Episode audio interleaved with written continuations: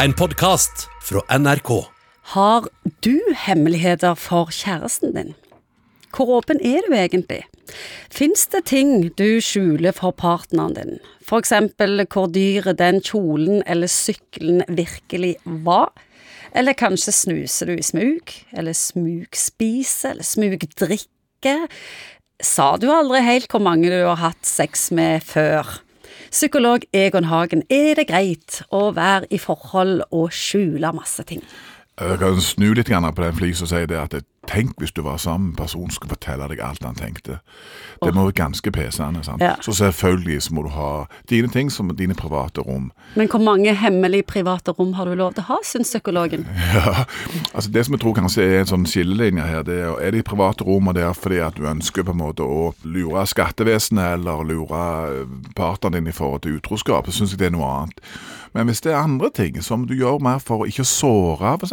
Du trenger ikke alltid si det du Jeg trenger ikke si at jeg lå med 40 før jeg møtte deg. hva, har det, hva, hva betydning har egentlig det? Eller må du si det hvis du syns at vedkommende har gått opp to kilo og i- forandret seg litt? Grann? Må du nødvendigvis si det? Det er jo grusomme folk som skal ta opp alt hele veien og si alt det de tenker. Jeg kan ikke tenke meg noe verre.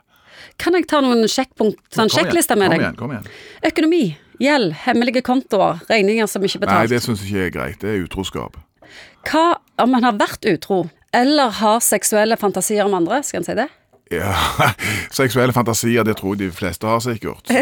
Eh, Så, eh, Hvis du har vært utro og vet du ikke skal gjøre det mer. Hvis alt er bra ellers, og utroskapen ikke uttrykk for at du er i et forhold som er i ferd med å gå i oppløsning, så har jeg jo sagt det før, hold kjeft om det. Jobbreiser eh, en egentlig ikke må på, men en trenger bare å komme seg vekk. Ja, Det tror jeg eh, mange vil oppleve. at det kan Du Du har lov å lure, ta en liten finte av og til og lage en parentes. Og, men klart, hvis du notorisk gjør det, hvis du aldri er hjemme, så er det noe annet. Så det er liksom Vi har litt av det som skal styre det store vedet, det, tror jeg. Hvis hun har fikst på nesen, eller han har sterilisert seg i hemmelighet. Ja, det, med sterilisering har jo stor sett betydning hvis det er et ungt par, dette, da, så hun strever for å få barn. Så syns jo det er ganske kjipt gjort, for å si det sånn. Kan vi si noe overordna? Ja, Det var akkurat det, Ingvild. Det var Ja, skal, kan du prøve på det? Jeg tror på intensjonen med det hele. Hvis du gjør dette for å kunne lure den andre, svike den andre, unndra deg i forhold til forpliktelser, velge et liv som går på bekostning egentlig av den andre, så tror jeg at disse uh, halvsannhetene og Hvis det går mer- på bekostning av den ja, andre. ja, mer problematisk. Men hvis du på en måte lar være å si ting fordi at hva godt skal komme ut av det, eller det kan ikke gjøre noe allikevel med det, eller det beskytter den andre, så sy- syns jeg det er noe annet. Hva godt kommer det ut av det?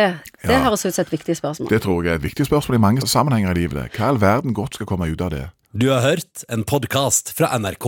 Hør flere podkaster og din favorittkanal i appen NRK Radio.